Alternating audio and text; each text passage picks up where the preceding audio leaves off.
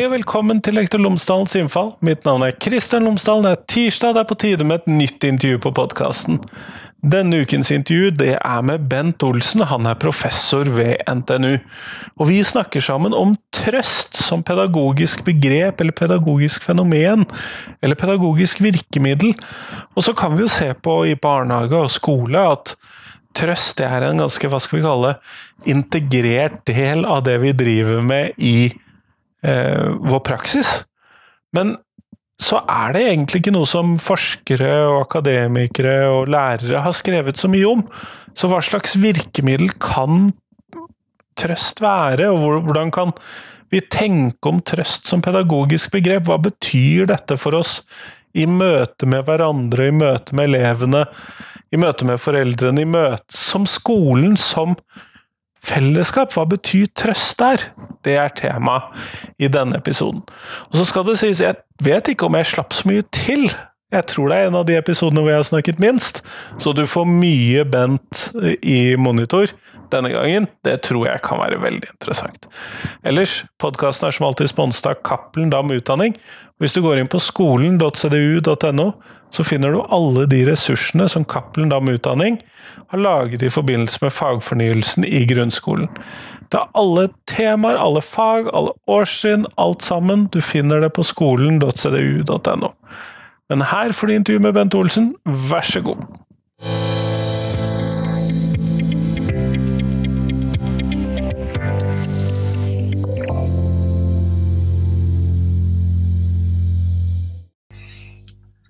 Bent Olsen, tusen takk for at du har tatt deg tid til meg i dag.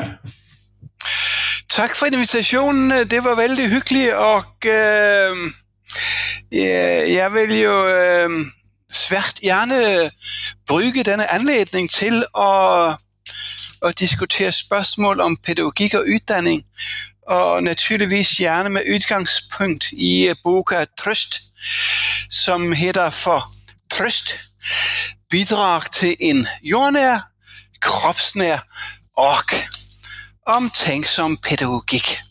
Og det skal vi komme inn på, Bent, men først så må vi la lytterne mine få vite litt om deg, som du kunne fortelle dem tre ting om deg, så hadde det vært veldig fint. Uh, for det første så må jeg begynne med en hemmelighet, og det er at jeg er en danske. og uh, ja, det hører man kanskje med en gang. Men uh, jeg har vært bodd en del år i Trondheim og øh, jobbet på, øh, med pædagogik på Institut for Pædagogik og Livslang Læring øh, på NTNU oppe på Dragvold. Og øh, så bor jeg i øh, et fantastisk strøk i øh, Trondheim, nemlig i Fjordgata, nede midt i centrum, med tilgang til mange af denne bys helt fantastiske ressourcer. Og øh, så har jeg en, øh, et fast ritual.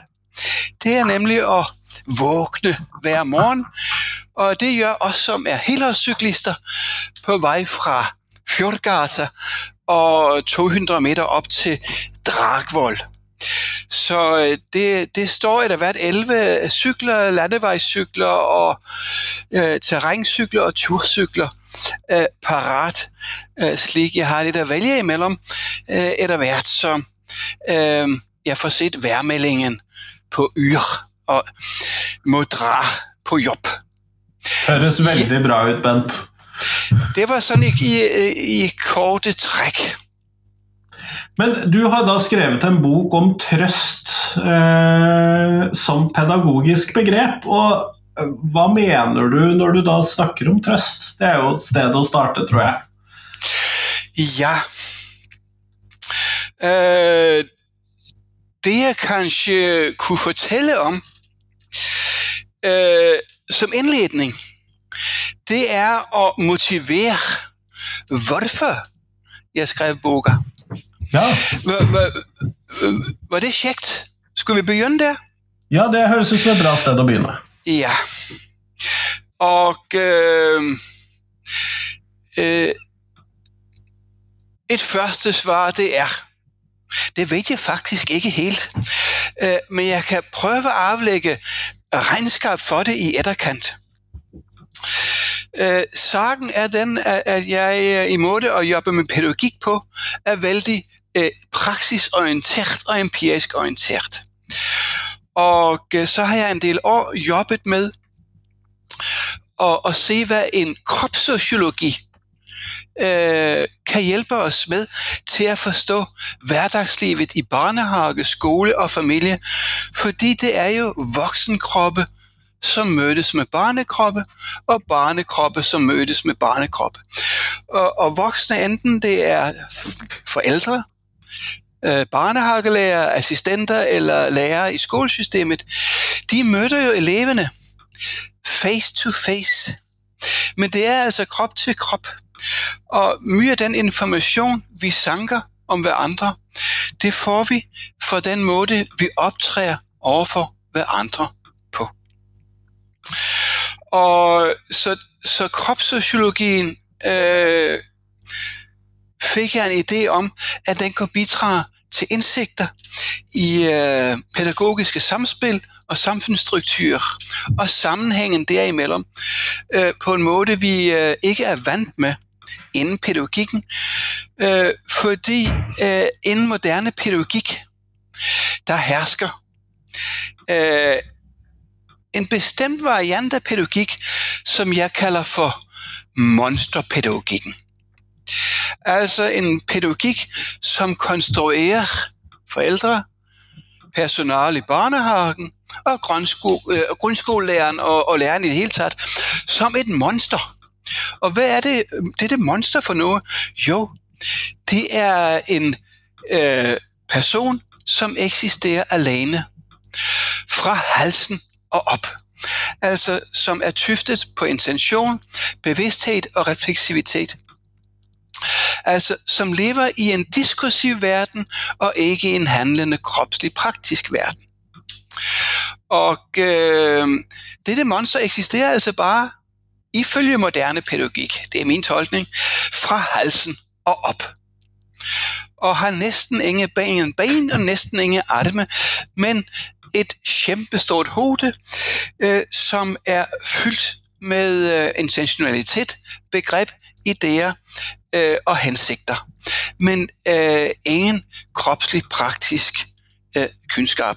Og så, så, så tænker jeg, nej, det må simpelthen findes øh, et menneskeliv under halsen i øh, kropssociologisk sæt.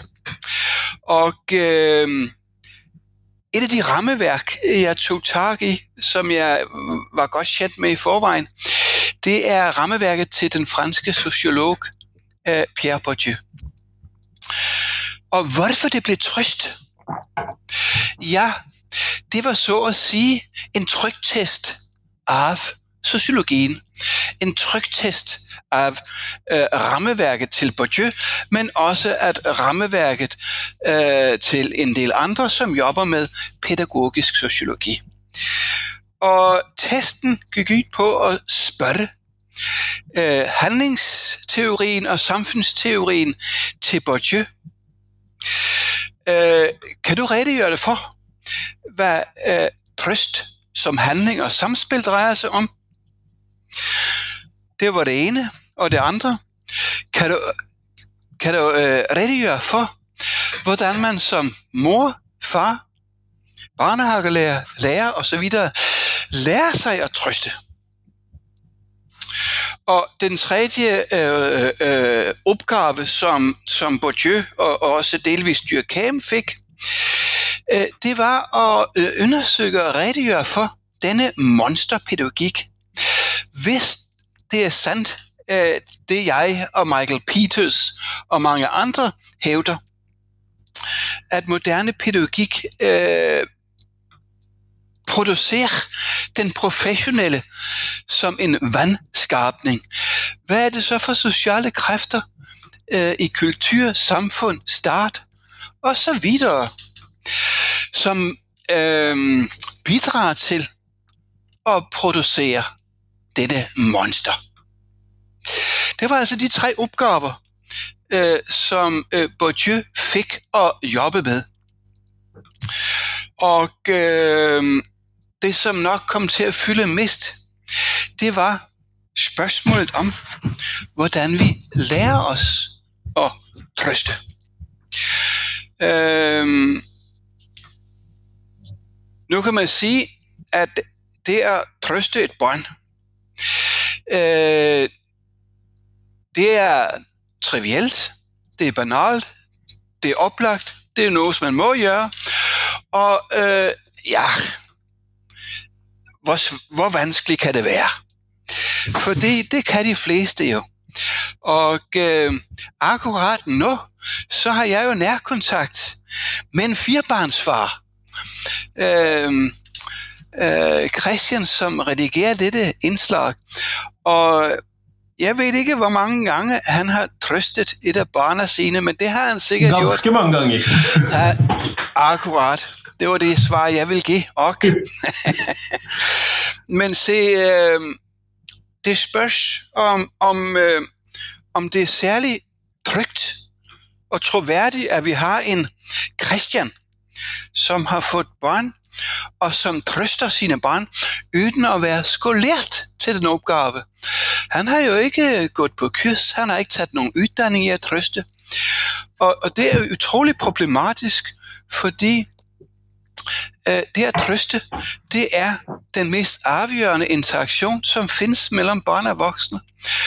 Øh, for det første, øh, så er det mange grunde til, at børn ikke kan blive etterladt, ikke trøstede eller ytrøstede. Altså et barn i en barnehage, som øh, bliver etterladt uden at få dækket et trøstebehov eller en trang til trøst, har vi lite accept for i vores kultur. Øh, det ligger som en disposition, en kropslig øh, emotionel parathed blandt mesteparten af norske forældre, at trænger et barn trøst, så skal det have det. Kanskje ikke med en gang, men så fort som muligt. Øh, vi lever i en kultur, som har nul tolerance, når det kommer til og øh, undgå trøst. Det, det er en kulturel manifest, manifestation, og det man kan spørge sig, det er, hvordan har denne manifestation, denne moralske norm, udviklet sig? Og øh, det har jeg faktisk ikke noget svar på, men jeg ville gerne øh, bede øh, nogen af dette, som lytter med, om at tage den forskningsudfordring op. Og jeg kan øh, invitere en øh, tysk sociolog med på linjen. Han er desværre død, og han er desværre lite kendt i Norge.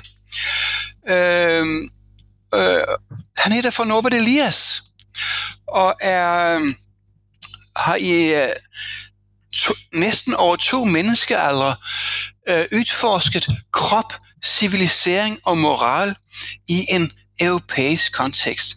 Nå, men, men tilbage til trøst, fordi øh, øh det spiller en central rolle i en kultur, som den vi lever i, at børn skal have trøst, når de giver udtryk for det.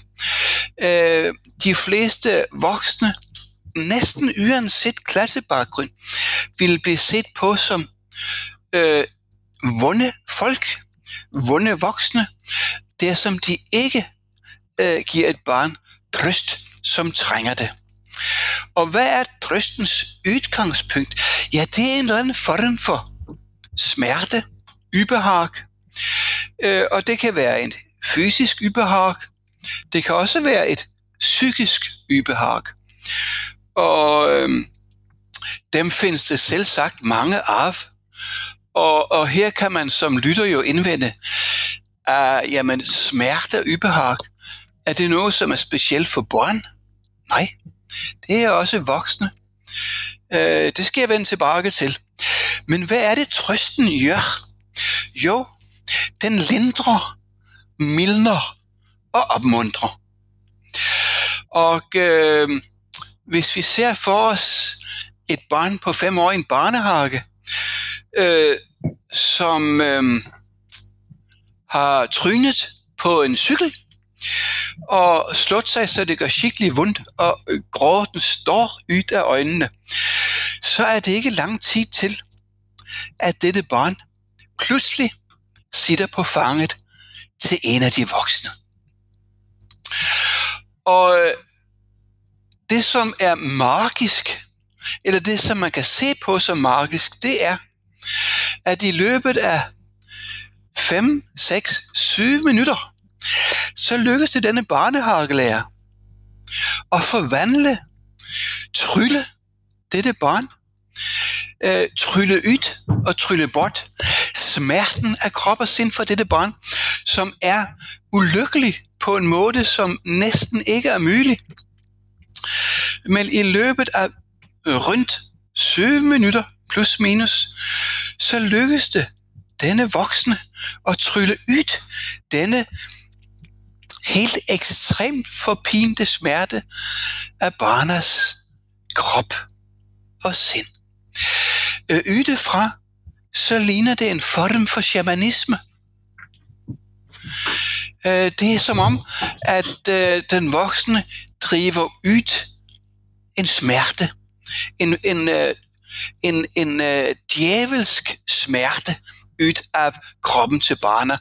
Nu kan en djævel er ikke bestandig ond, men det er en ondskab, som bliver drevet ud af barnets krop og sind.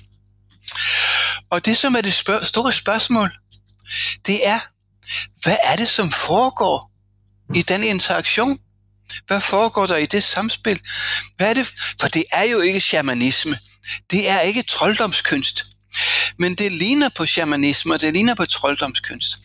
Men når man så forestiller sig, at vi har observationer af, skal vi sige, 10 barnehagelærer og assistenter, og vi i alle detaljer beskriver både de kropslige øh, og de verbale og øvrige øh, måder at kommunicere på, og vi øh, tænker os at redegøre for denne trøst i alle detaljerne for disse 10 ansatte øh, så kan man forestille sig, at denne trøst, den er så ekstremt sofistikeret og trækker på så mange øh, vari, øh, kropslige ressourcer og sproglige ressourcer, at vi skulle bruge et helt leksikon, det som vi ville redegøre i detaljer for alle aspekter af dette trøstearbejde.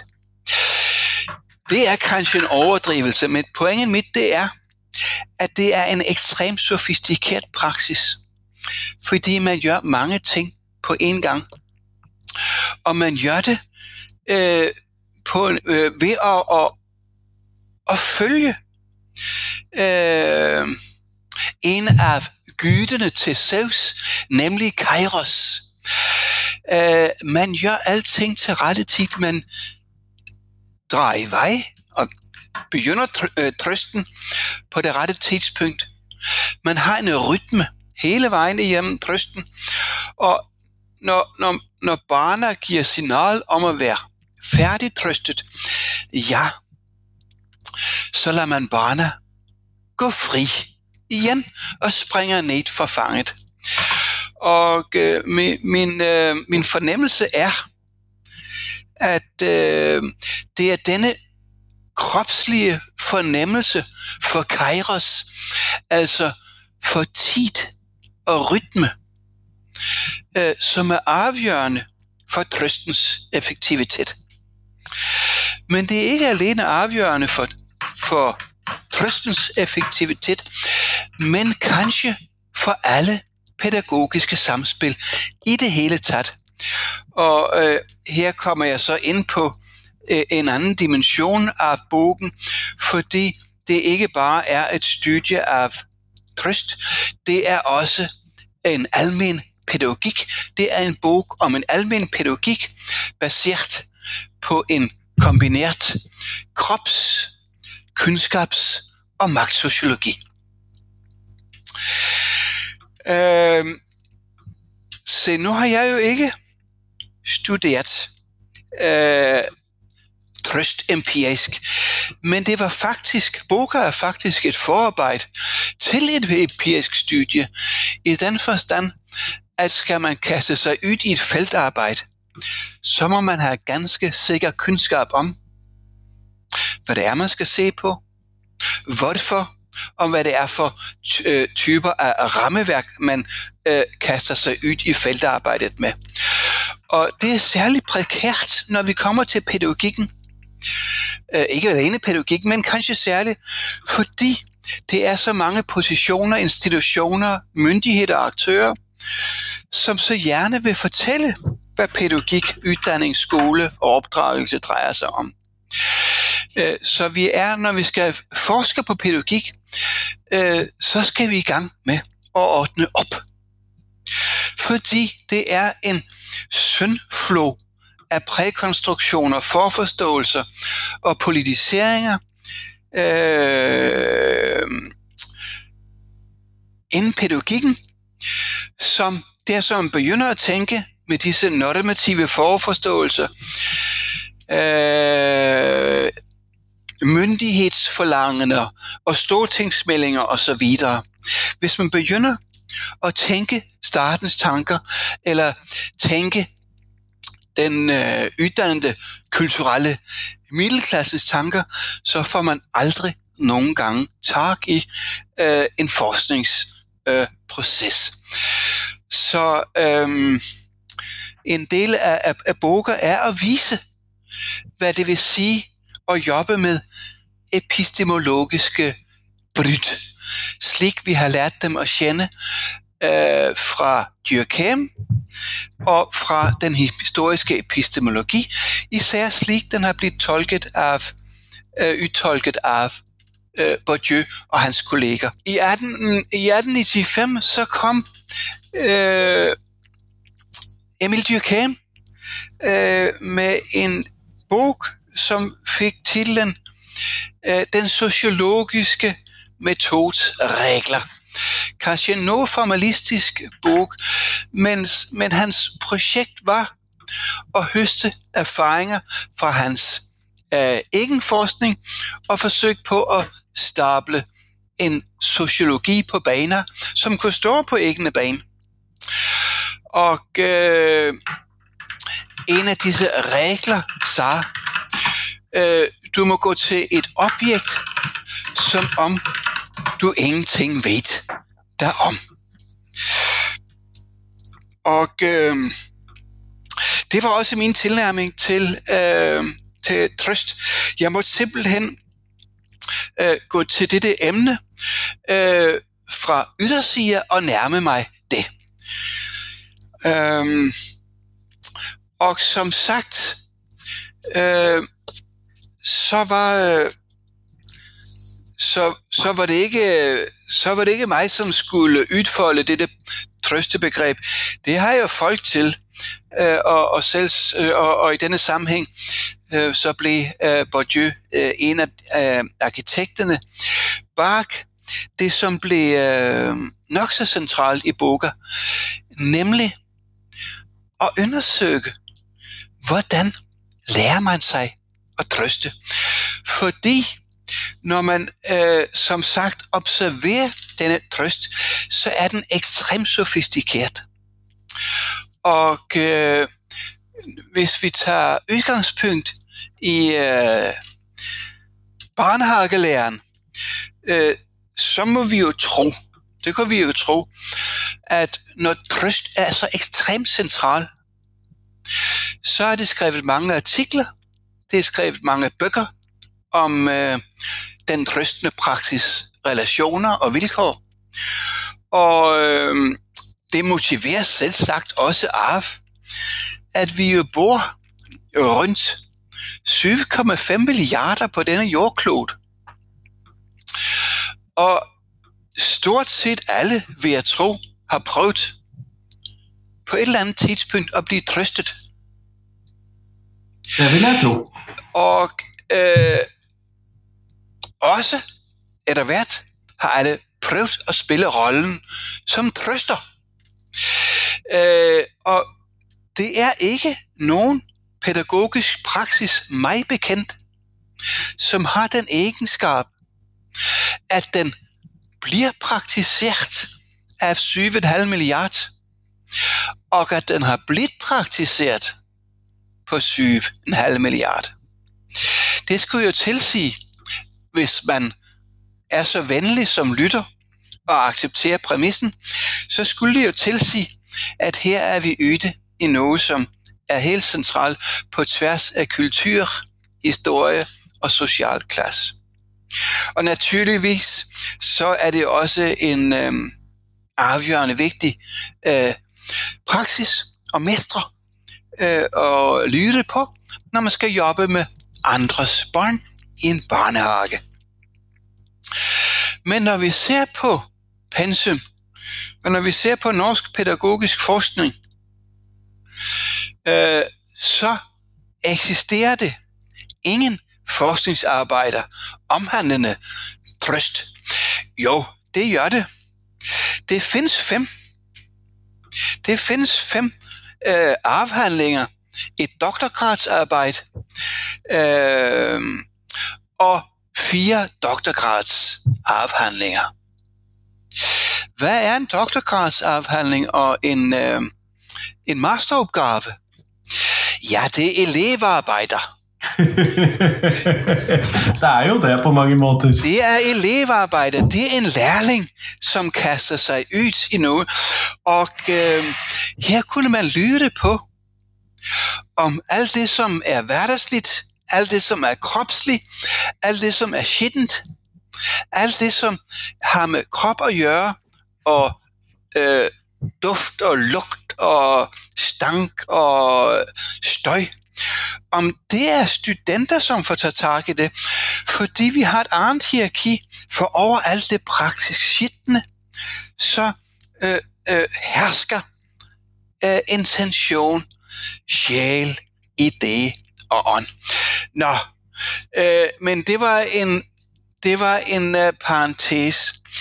Øh, øh, men det findes øh, enkelte doktorgradsafhandlinger, som imidlertid ikke er tyftet på sociologi, men tyftet på øh, ontologi, på teologisk filosofi og på filosofi i det hele taget. Og øh, her er vi inde på noget, som øh, ikke er særnorsk. Øh, men man skulle tro, det var særnorsk.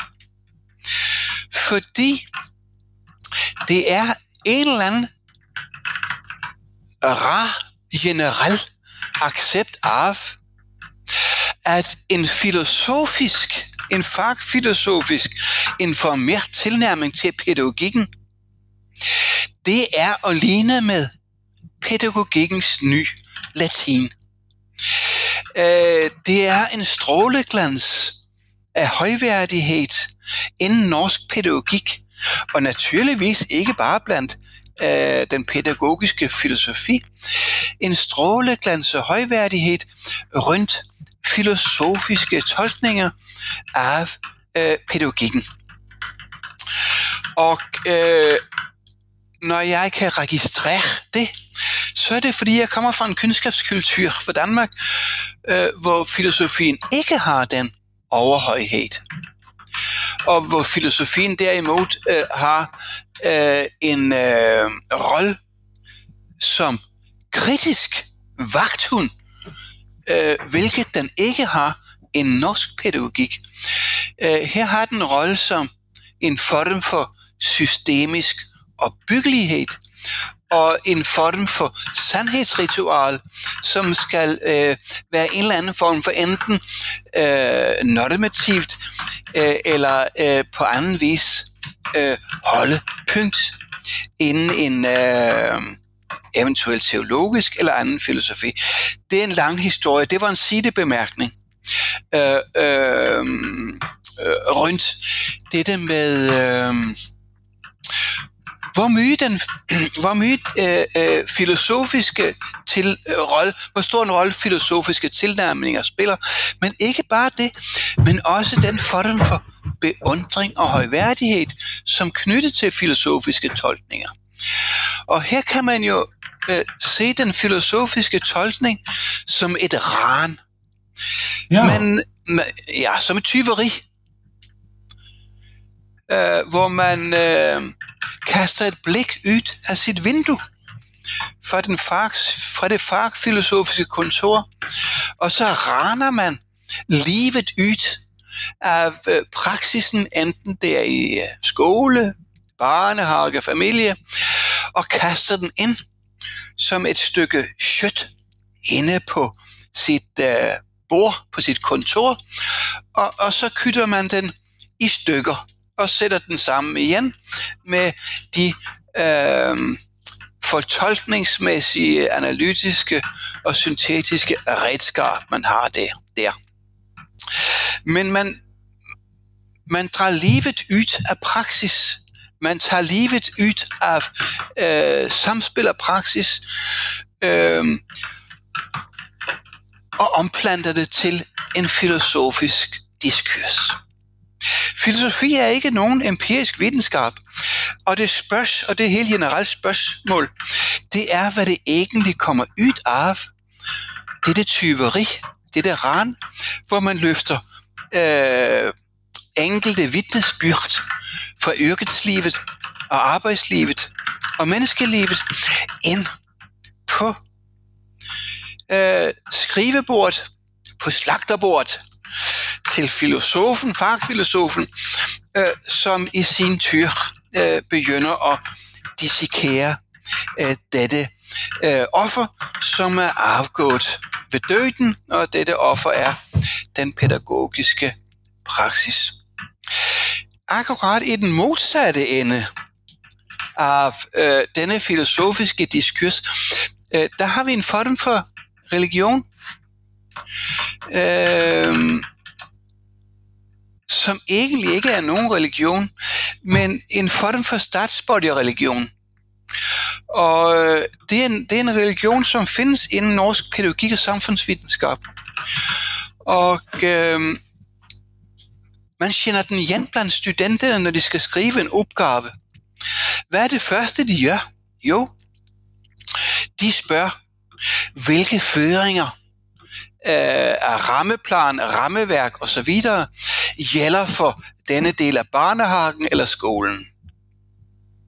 Underforstået, øh, man har valgt øh, i den frihed, universitetet er, at lukke sig selv ind i et fængsel. Nemlig lade sig spærre inde af øh, de myndighedsforlangende og de øh, diskurser, som staten stiller til rådighed. Denne statsborgerreligion øh, øh, findes blandt studenterne, og når den findes der, så kan det kanskje være, fordi den også findes blandt undervisere og forskere. Det skal jeg ikke kunne sige. Men det er et byt. Det er en sætning. Det er bare en sætning i denne religion. Og den går som følger.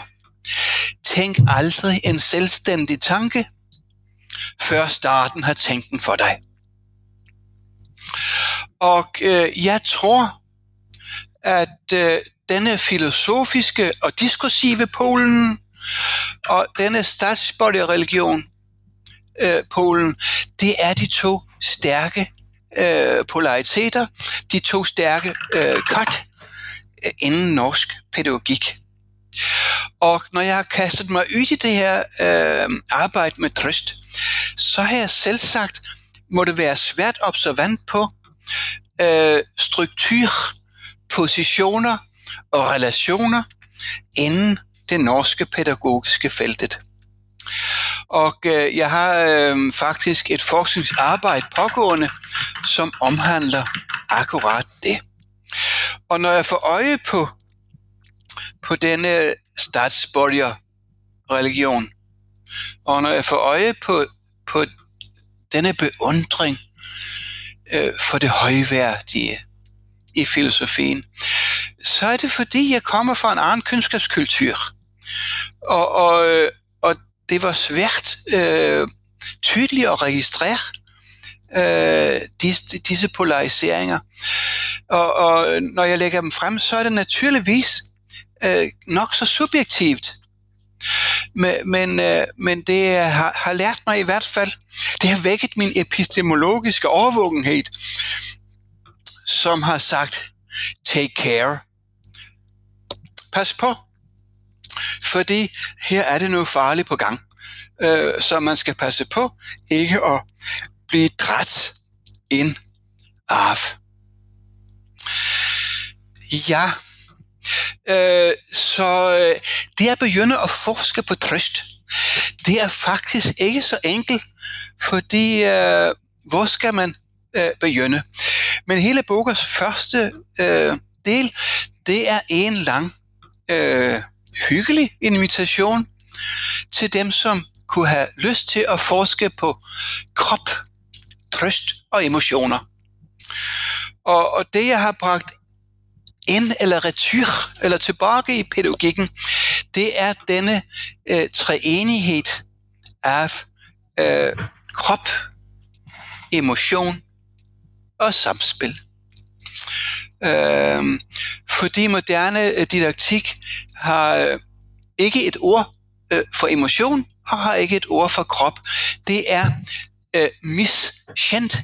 Det er kendt, men noget man alligevel ikke vil øh, hører af. Det er noget man ønsker bort. Det er ikke integreret i en moderne øh, pædagogisk diskurs, hvor det drejer sig om kontrol, intentionalitet og øh, intervention. Ja, og øh, se, øh, så var det jo en, som tog op denne øh, invitation. Det var en barnehagelærer, som var student på Institut for Pædagogik og livslang læring i Trondheim.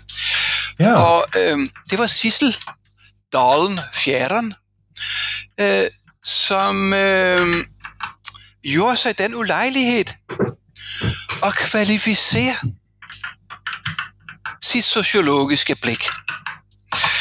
Øh, nu havde jeg gået på det ene masterseminar efter det andre, år ud og år ind, og ventet på, om ikke det var en student, som ville komme og sige, det med trist af barn, fy søren, var det interessant, det kunne jeg godt tænke mig at forske på.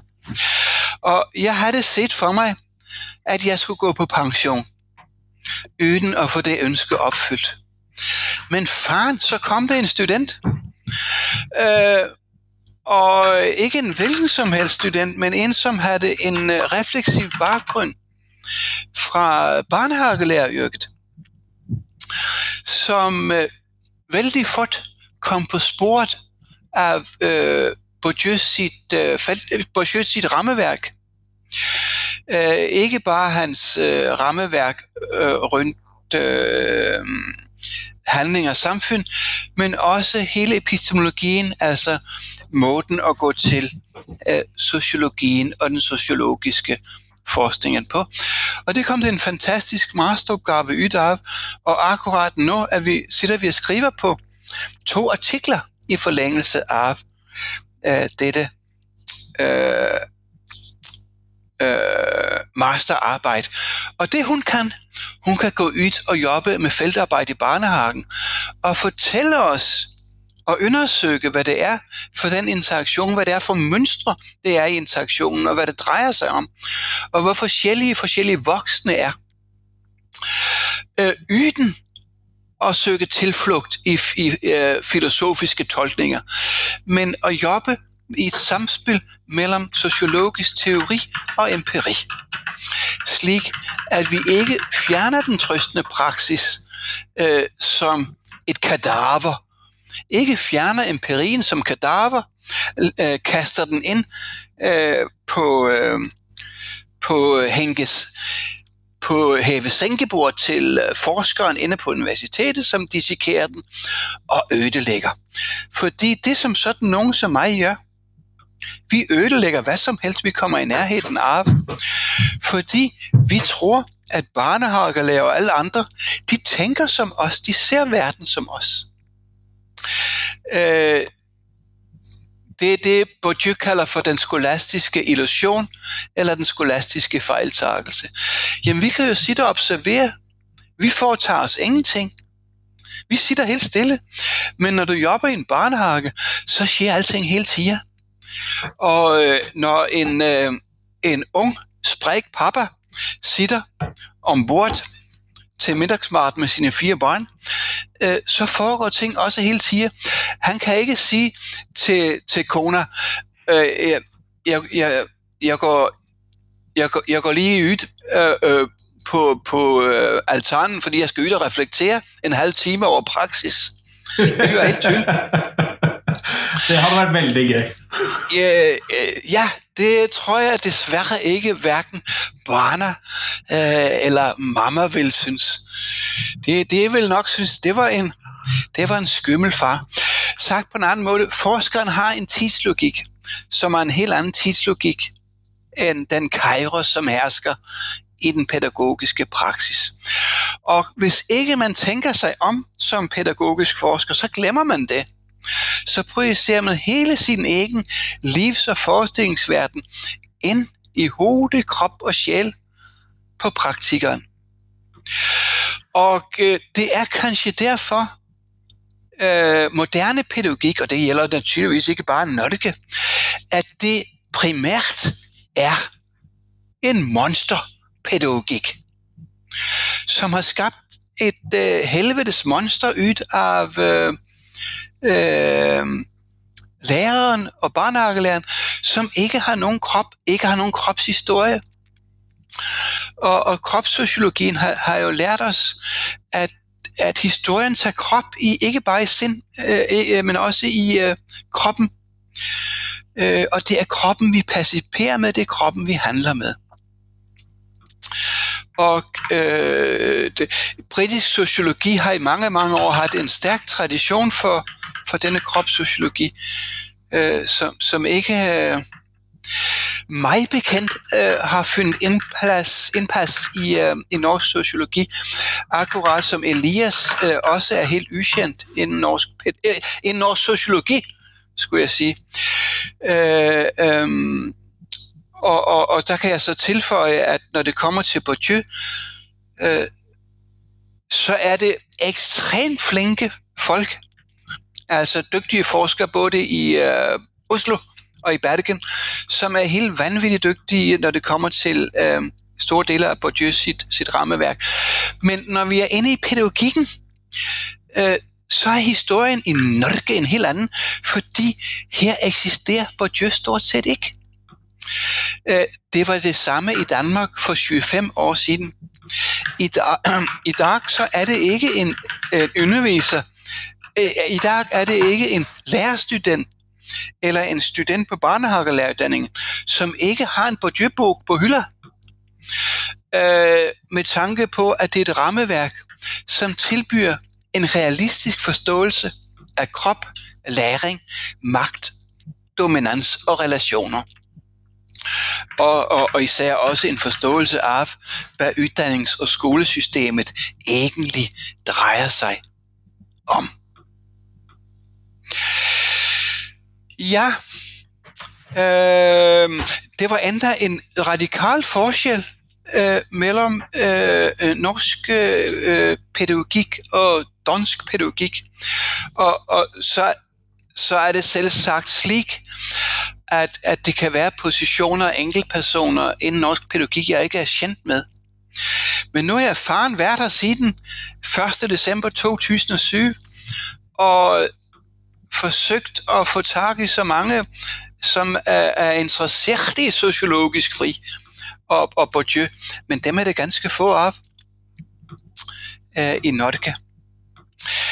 Øhm, ja, se, øh, det var denne tryktest af Bourdieu. Fordi øh, han, han fik jo tre opgaver. Dels at hjælpe mig ind øh, og til, til at konstruere trøst som forskningsobjekt, til at fortælle mig, hvordan man lærer sig trøst, og, og det tredje, øh, hvad baggrunden er for denne åbenbare monsterpædagogik. Og øh, for at vende tilbage til det med, hvordan vi lærte, så er det jo interessant, fordi barnehagelæreren har jo ikke læst sig til det. Fordi den artikel om, om trøst, som skulle være skrevet, den eksisterer ikke. Den bog om trøst, som skulle øh, have en central plads i barnehagelærerdanningen, den er ikke skrevet endda. Åh oh, jo, nu er den jo. Den Ja, første bog. Ja, nu er den, ja, først nu er den kommet. Og det er jo vældig interessant, øh, at en så afgørende øh, praksis, så vital en praksis, ikke har sit eget begreb, ikke har sin egen opmærksomhed. 7,5 milliard, som praktiserer det, og som har oplevet det. Og øh, tænk på, på de børn, du leverer øh, øh, i børnehagen. Tænk den tanke, at et af dine børn ikke kunne få trøst, øh, fordi, nå ja, det vidste man ikke, øh, hvad var, og det var kanskje, nå ja, det, det, det har det ikke lært noget om på barnehagelæreruddanningen. Vi har ikke haft det ord, eller, øh, så, så vi kan ikke trøste. Det er, det er naturligvis tyld, fordi øh, alle som jo, ah, nu skal jeg passe på, fordi nu, nu må jeg jo øh, læne mig op af Sisseldalen, Fjerderen, men, men, men hovedparten af dem, som jobber i en barnehage, de, er, de kan trøste, og de er virtuose trøstere. Og det er jo, det er jo derfor, man øh, trygt kan, kan levere sine børn ind i barnehagen. Og både som far øh, og mor, at her er man i vores kultur sikker på, ret sikker på, at hvis en, ens barn øh, trænger trøst, så vil dette barn få det med en gang. Men, men det er åbenbart ikke noget, som den voksne har lært sig på barnehagelærerdanningen. Og øh, jeg, jeg håber, vi har en konsensus med lytterne om, at trøst øh, er kultur, øh øh, øh, øh, er i alle henseender en afgørende praksis, en afgørende færdighed øh, at kunne mestre. Øh, og så er spørgsmålet, når og hvor har vi som voksne lært dette at trøste? Det er en kropslig, sproglig, emotionel færdighed, som er ekstremt sofistikeret, og som kan varieres i det uendelige. Og, og denne, sofistik, det, det, den, denne sofistikation, den fordobles netop i og med, at den kan varieres. Øh, noget kunne jo tilsige, at øh, barnehagelæreren har lært at trøste allerede inden hun begynder på barnehagelæreruddanningen. Øh, så vi skal altså på jagt øh, ned over i barnehagelærerens og alle voksnes livsbane for at forstå, øh, når denne kropslige moral og kunden har blevet indprintet, etterprøvet og udøvet. Øh, fordi det er noget, som er tillært og til tillært i- ved at blive gjort. Det er ikke tillært ved, at man imiterer. Det er ikke imitationer af voksne. Det er en helt vanlig fejltagelse. Troen på, at børn lærer sig øh, at spise med skje eller gaffel ved at øh, øh, imitere, altså efterligne den voksne. Det er bare tyld. Men det, som foregår derimod, øh, det er, at børn, de mimer. Øh, de øver sig. Øh, de er konstant på træningsfeltet. Og det gælder også, når det kommer til trøst. Barnet lærer sig at trøste andre børn i en ganske tidlig alder. Øh, nu er jeg godt klar over, at, at øh, vi befinder os øh, i en del af en, øh, Norge, som hedder for Vestlandet.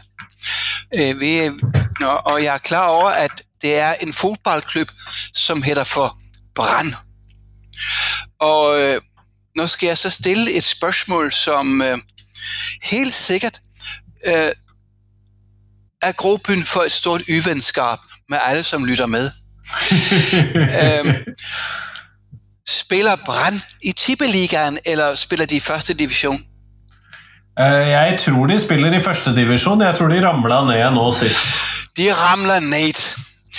Øh, nu skal jeg ikke være skadefro, øh, når jeg kommer fra øh, RB, Kåland Rosenborg Ballklub land oppe i Trøndelag. Men se, de her unggutter, de har jo, en, de har jo et stærkt ønske om at komme retur til Tippeligaen. Og Det det, det synes jeg jo. Øh, men øh, fy faren, hvor må de træne? Og, og øh, hvis man ser på, hvor mange timer en øh, fodboldspiller bruger på træningsfeltet, sammenlignet med, hvor mange timer han bruger på øh, at spille kamp øh, lørdag, eller søndag, eller mandag, eller når det nu er, så er det kanskje 95% del af tider, som bliver brugt på træningsfeltet. Og øh, nu er det bare tilfældigt, øh, øh, øh, det jeg siger med, med 95 procent. Men det er faktisk lidt det samme, man kan sige, som foregår, når vi øh, kvalificerer os selv som opdragere. Øh, der, der må vi også øve os. Barna, de mimer, de ættergør, når de skal spise med, med gaffel, eller når de skal trøste, så mimer de. Når de skal lære øh, og, og, og, og, og, og sige, øh, øh, øh, ja, hvad skal de lære at, at, at, at sige? Et eller andet, et eller andet øh, De må jo lære å si unnskyld eller takk for maten. Eller... Ja, eller pinnekjøtt. Ja. Øh, Man kan se på munden, hvordan de øver sig på at sige pinnekjøtt. De, øh, de mimer med munden, og så håber de på, at det kommer en lyd ud. Men det gør det ikke, før de har øvet sig rigtig mye. Øhm, og det er det samme, når det kommer til pædagogik. Øh, vi lærer os det hele i en praktisk, øh, øh, som et praktisk mesterskab, før det symbolske. Barna lærer sig at prate, før de lærer sig grammatikken. Vi lærer os at omgås mennesker øh, på en meningsfuld måde, moralsk og emotionelt, øh, før vi har ord for det. Vi lærer at trøste, uden vi har ord for det. Det vil sige, at vi lærer os mange af basale færdigheder i en praktisk tilstand, ikke i en teoretisk. Øh, så hele øh, dette repertoire af trøst, det har barnehagelæreren altså lært, inden hun kommer i barnehagen, som et praktisk mesterskab. Hun har øvet sig på samme måde, øh, øh, som øh, de øver sig på brand øh, stadion, eller hvor de nu, nu træner. Og det som, øh, det, som er vigtigt for en i fodboldspillet, det er, når man, når man afleverer leverer ballen, så, så spiller man den ikke der, hvor ens medspiller er, men der, hvor medspilleren kan tænkes at være om et kvart sekund. Og som angriber, så placerer man sig heller ikke der, hvor bolden kommer, men der, hvor man tror, den kommer. Altså man foregriber spillet, man har en kropslig praktisk sans, man har spor i krop og sind for, hvad det øh, fodboldspil drejer sig om. Og disse spor i krop og sind, dem har man opøvet gennem 10.000 vis af timer på træningsfeltet. Og det er kun fordi, man har tilbragt 10.000 vis af, træ, af timer på træningsfeltet med at få inkorporeret disse, disse spor, at man kan få brand tilbage, der hvor brand hører hjemme. Og det er også bare derfor, det er muligt for en barnehagelærer, eller en lærer, eller forældre at trøste. Det er fordi, øh, der er nedlagt disse kropslige, emotionelle, førrefleksive spor øh, gennem hele livsbanen. Øh, det vil sige, alle disse sofistikerede trøstefærdigheder, virtuositeten, de er lagt ned, inkorporeret krop og sind, allerede før barnehagelæreren begynder på sin uddannelse. Øh, her kan man jo så spørge med en gang. men, men sig mig, gælder det ikke alt, som man skal mestre som lærer, eller pædagog, eller førskolelærer? Jo, hvis du skal optræde meningsfuldt, troværdigt, med autoritet, hvis du skal mestre emotionelle relationer på en meningsfuld måde, hvis du skal kunne lytte, forstå og respondere barn som barn, afstemt med situation, skøn og så videre, øh, så skal du have lært de ting allerede inden du starter på barnehavelæreruddannelsen. For det er moralsk praktiske forhold, egenskaber, kvalifikationer, færdigheder, som har med det at være menneske at gøre. Og det lærer du ikke på en barnehavelæreruddannelse eller nogen som helst anden professionsuddannelse.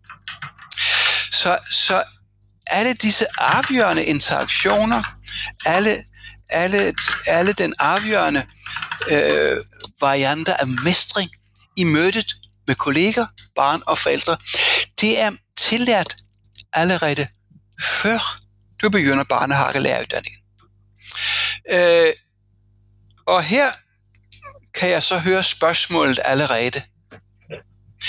Vil, vil det så sige, at øh, man, man faktisk er barnehagelærer allerede inden man begynder barnehavelæreruddannelsen? Er man ingeniør allerede inden man kommer på NTNY? Er man læge allerede inden man begynder på studiet? Og er man øh, jurist er det født inde i en? Er, er, det, er, det, er det groet frem i en allerede inden man begynder på jys i Vatikan? Ja, svaret er ja.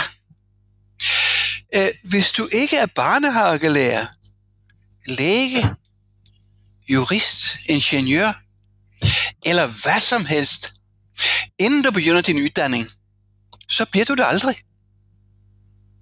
Altså at det må sitte Du må være eh, klar for det da, for å kunne bli det i løpet av studiet? Øh, ja, hvis nu vi holder os...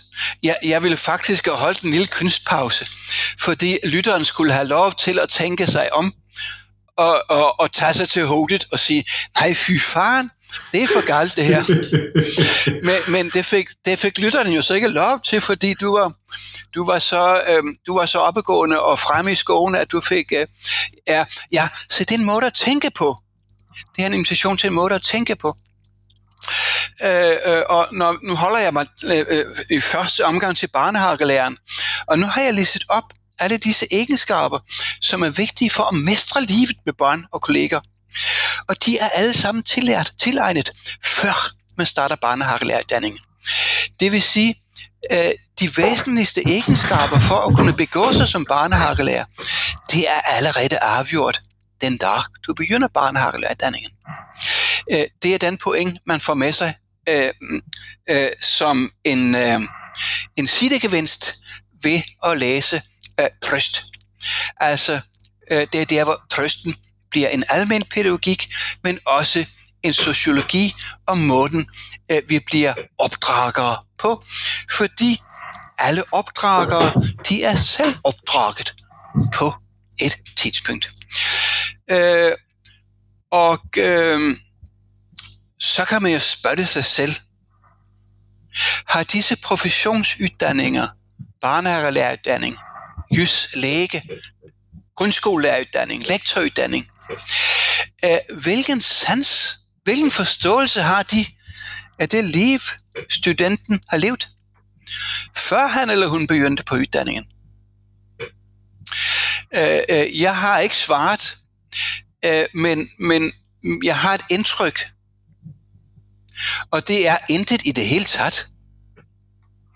Øh, studenter bliver taget imod øh, i stor grad på disse yrkesrettede uddanner, uddannelser som blanke ark, som øh, uddanningernes øh, repræsentanter og aktører tror, de kan skrive hvad som helst ind i. Og det kan de også, men det bliver indskrifter, som rammer bevidsthed og diskurs og, og, og øh, kundskab, men ikke øh, der, hvor det væsentlige bliver afgjort, nemlig i kroppen, og den kropslige historie og det kropslige mandat, som barnehagelæreren har med fra sin klasseerfaring. Øhm, så øh, det er ikke uden grund, at øh, jeg holder en julekvæld i Boga. Fordi kapitel 24, der bliver jeg jo nødt til at spørge mig selv, fordi læseren spørger, jamen i helvede, hvad skal vi så med en barnehagelæreruddanning? Hvad skal vi med de yrkesrettede uddannelser? Hvad er pointet med dem? Øh, fordi øh, det vi driver med, det er jo kvalificering af en arbejdskraft. Nej, det er tyld.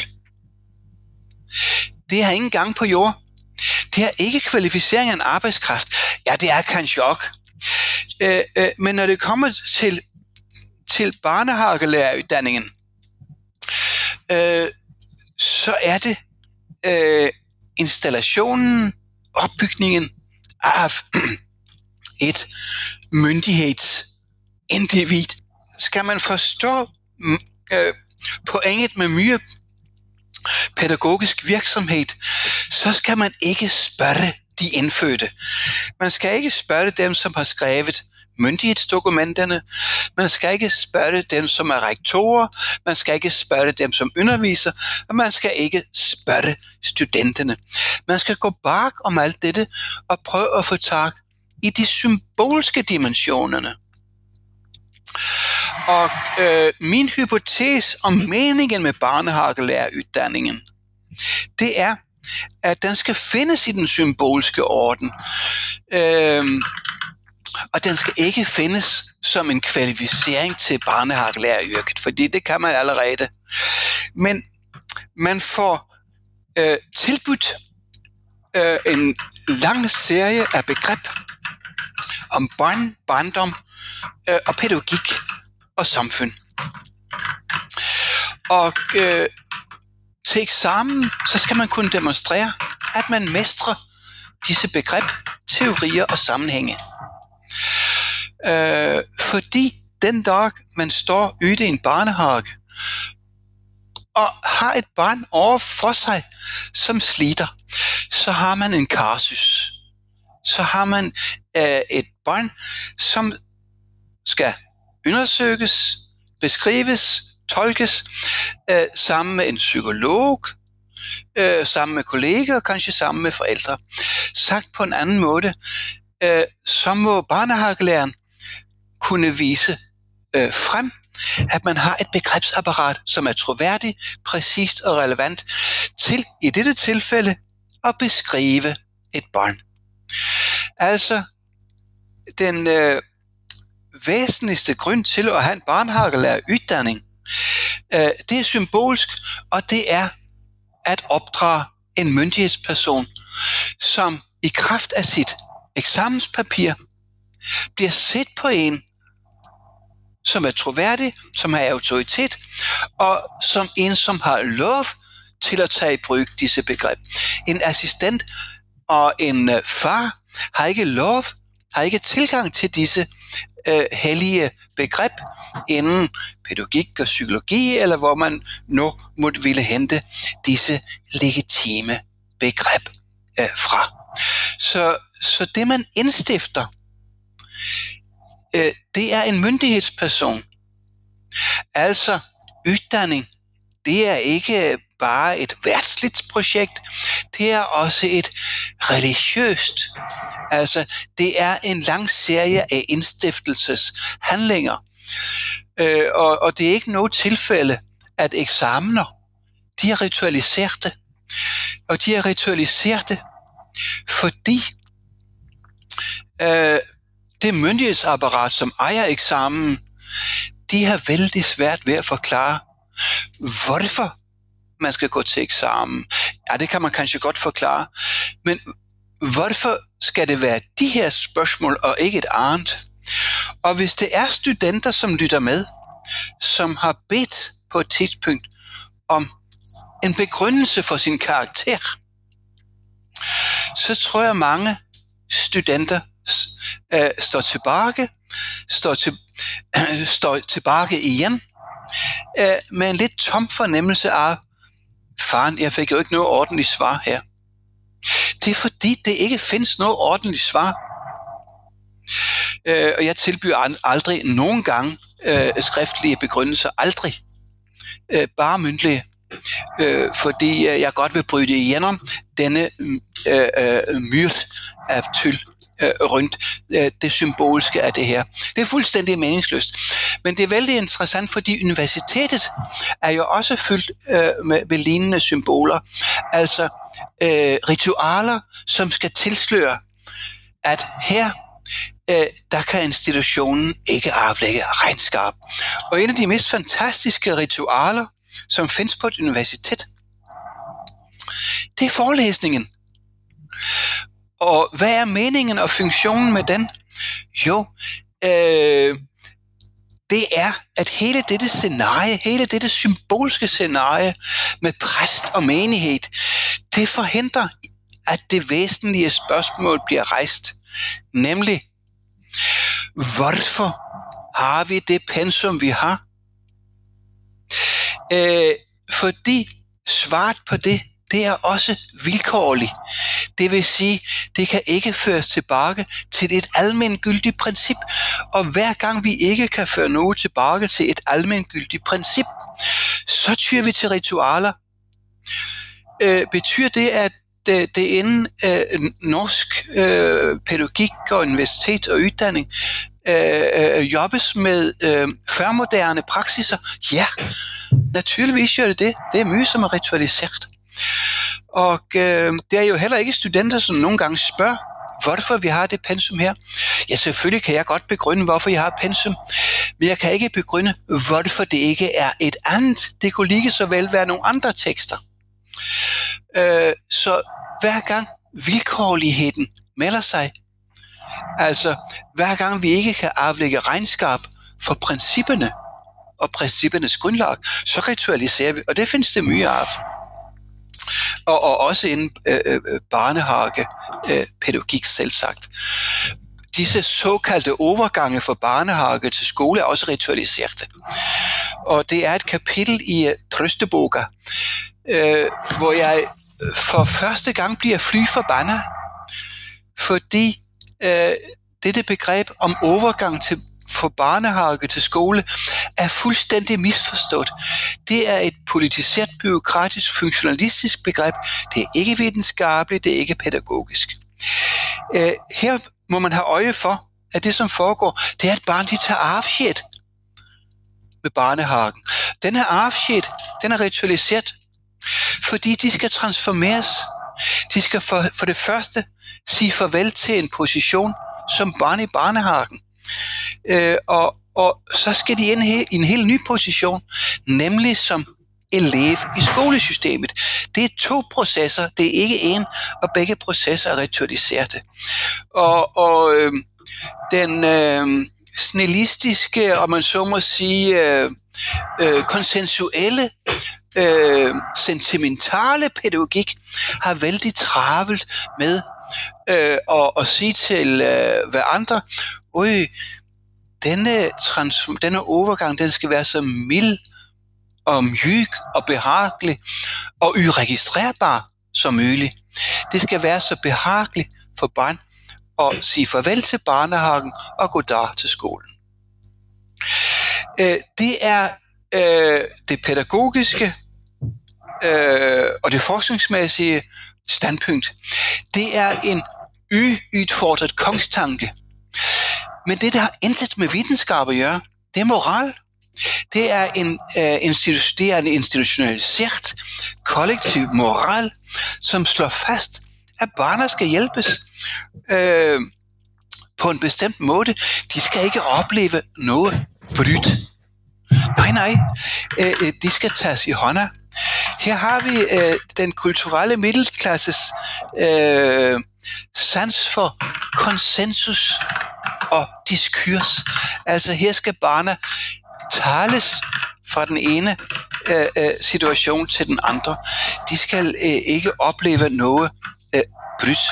Og, og vi har også de, de officielle myndighedsforlangende, de er også fuldstændig tyftet på, øh, øh, at det er en overgang mellem barnehage og skole, og den skal være så mild og mjuk som muligt.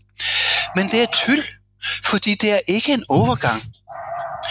Og øh, jeg har en, en forskningsartikel, som, som argumenterer og analyserer, øh, øh, øh hvorfor det er et forskningsmæssigt og kunskabsmæssigt bedrag at jobbe med begrebet overgang, når man vil udforske og forstå, hvad det er, som foregår i denne arvshed, som er ritualiseret og, og denne indøvelse, øh, introduktion til, og det at blive elev.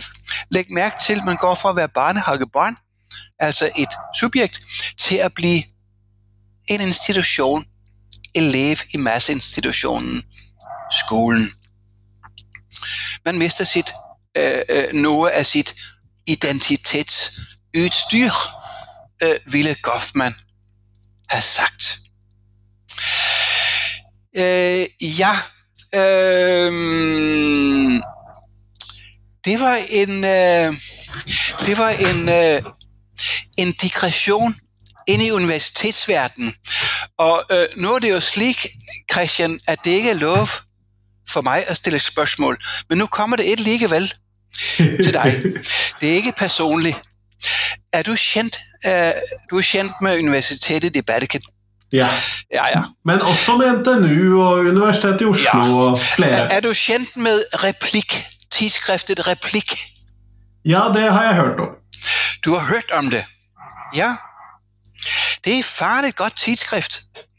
Øh, Det vil jeg godt reklamere for. Øh, Sprække, kreative, kunskabsrige ungdommer, som redigerer det. Øh, For, gerne for to-tre år siden, så kom det en artikel. Øh, Blev det publiceret en artikel, det var den sidste artikel i nummer 48, tema øh, temanummer om modstand. Og artiklen ligger på net. Og den hedder for Det findes tre universiteter. Vil du have titlen en gang til? Ja, det findes Det tre. findes tre universiteter. Det, det, det høres ud som et begyndelsen på et eventyr. Men det er det ikke. Men det skal vi sørge for at ligger i shownotesen til de som har hørt på denne episoden. Ja, fordi der øh, kan man læse om den symbolske dimension.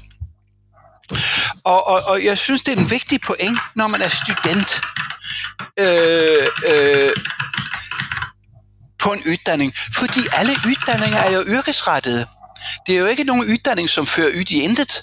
På et eller andet tidspunkt, så, så kommer man øh, øh, øh på en plads, hvor man skal drive med lovstof, eller kirurgi, eller øh, ordne med design, eller tegne byg, eller være rørlægger.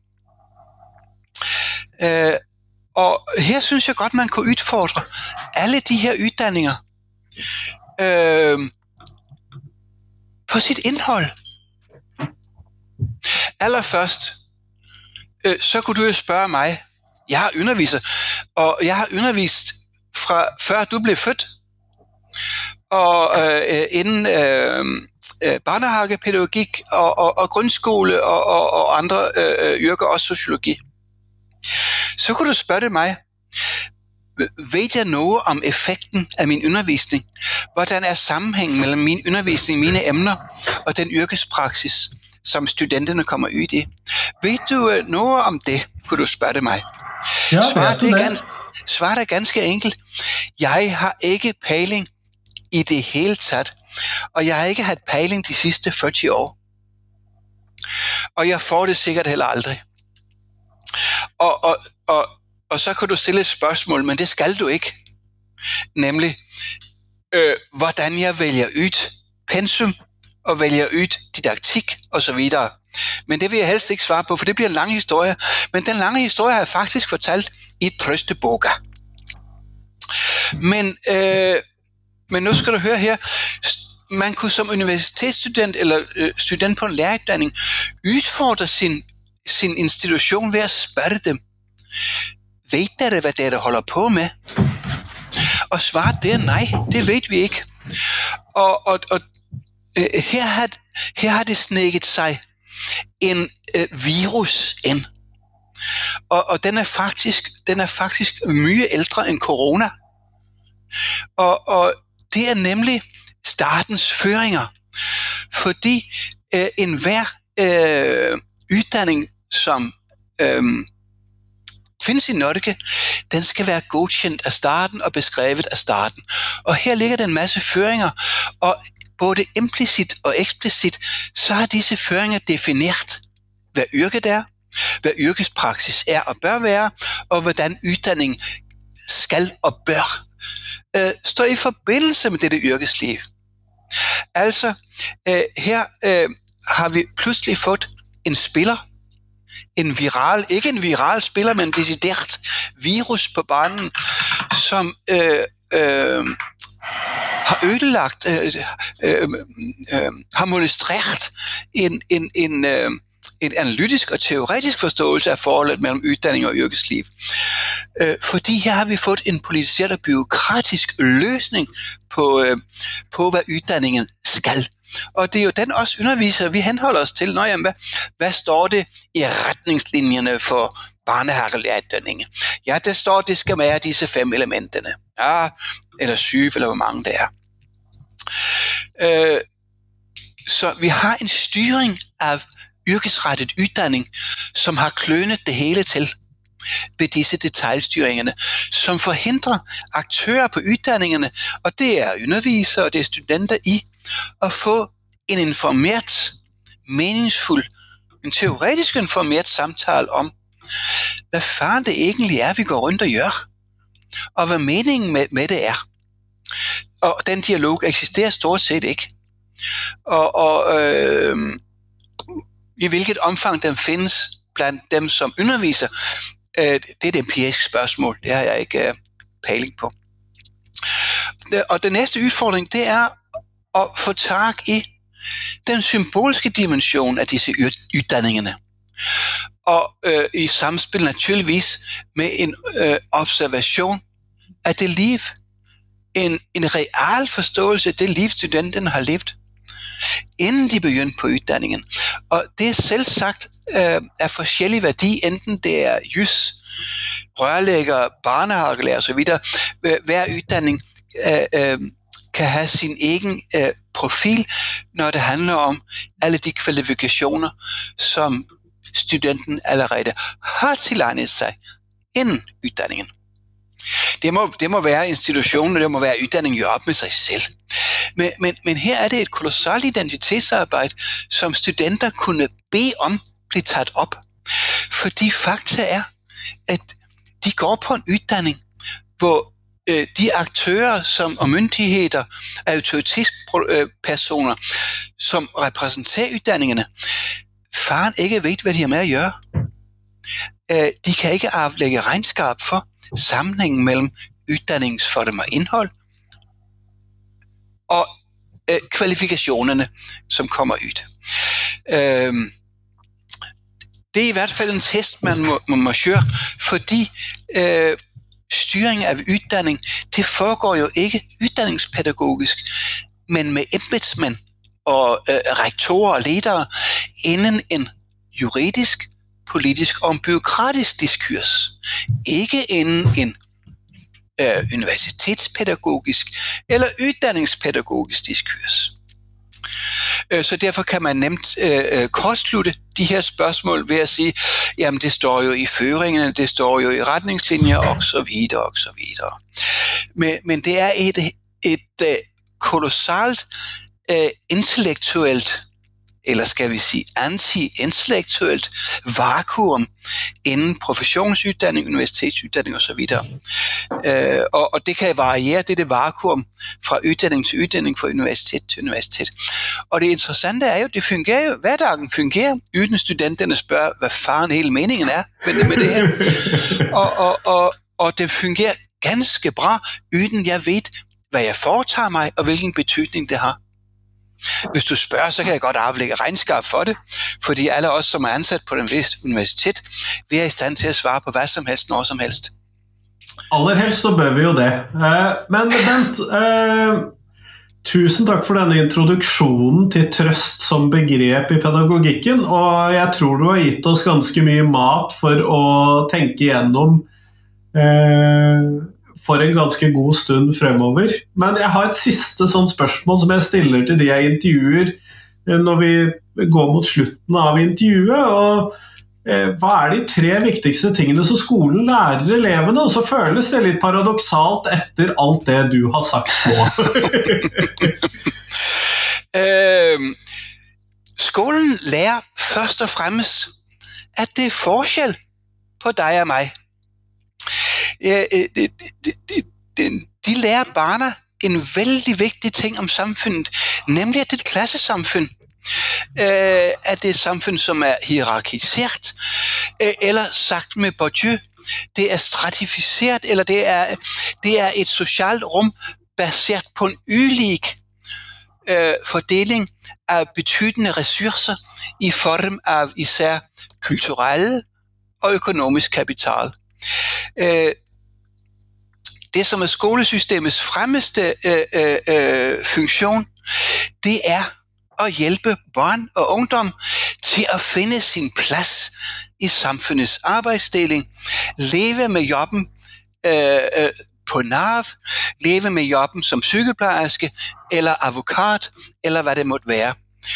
Og så lærer skolesystemet øh, eleven en anden ting, øh, nemlig og tilslører, at skolen bidrager til reproduktionen af disse sociale forskelle. Og øh, det, gør, øh, øh, det gør skolen på mange måder, blandt andet ved at bruge begreb som intelligens og begavelse, øh, som i virkeligheden er øh, begreb, øh, som hører hjemme i skolen, som skolen ejer, øh, og dermed hjemme i øh, det rige, som hedder for kulturel kapital eller informationskapital. Så, så det barn lærer øh, øh, i skolen, det er at finde sin plads i klassesamfundet. Og dernæst at acceptere den plads i et klassesamfund. Øh, det er det er nok så, så, så væsentlige funktioner øh, øh, øh og væsentlige ting, barn øh, får, for lært der. Øh, og, og, og tilpasse sig og blive øh, nyttige og, og, og lydige. Og så var det den tredje ting. Ja. Øh, ja. Øh, det er jo det er jo ret oplagt, hvad det er. Øh, men det forbliver et spørgsmål. Fordi lærer børn, ungdommer, universitetsstudenter, elever osv. får de tilbudt teori, begreb, indsigt og forståelser, slik at de kan begribe forudsætningerne for det, de er en del af. Og det kunne kanskje være skolens, videregående skoles, universitetets og barnehagelærerdannings og lærerdannings aller vigtigste opgave.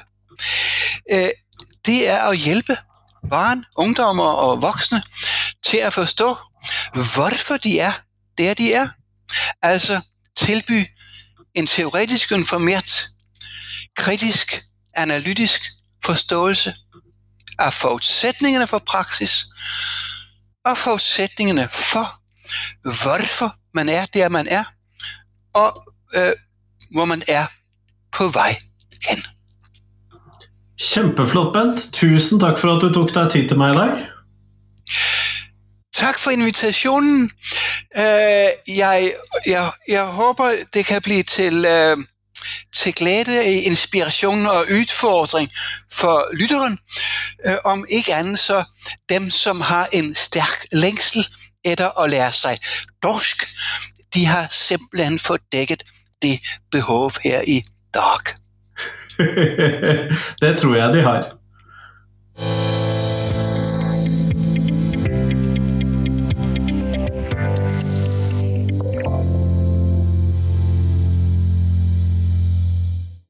Tusen takk til Bent, og tusen takk til deg som hørte på. Nå er det en uke igjen til neste intervju på podkasten, og så trenger jeg vel kanskje ikke å fortelle at det kommer en reprise på fredag, men en ny episode, det kommer neste tirsdag. Og så, vet du hva, jeg håper at du kan dele podkasten min med noen som hører på den. Akkurat i dag så er det faktisk 1500 nedlastninger på podkasten. Dvs. Si når jeg spiller inn dette, ikke nødvendigvis når du hører på dette. Og det syns jeg er utrolig kult. Eh, ikke fordi at det egentlig betyr så mye eller gir så stor forskjell, men det varmer liksom hjertet mitt at folk hører på podkasten. Så jeg syns det er gøy med litt sånne rekorddager. Og så skjer ikke det hver dag, for å si det mildt. Eh, det er ikke det vanlige tallet mitt, men det skjer en gang imellom. Og så syns jeg det er veldig gøy. Og så blir jeg glad for at folk hører på podkasten. Jeg håper at podkasten gir deg noe som du som lytter på. Så tusen takk for at du hører på. Del gjerne podkasten min med noen som du tror vil sette pris på den. Jeg setter i hvert fall veldig pris på at du hører på. Men nå, nå skal du få uken for deg selv. Hei, hei!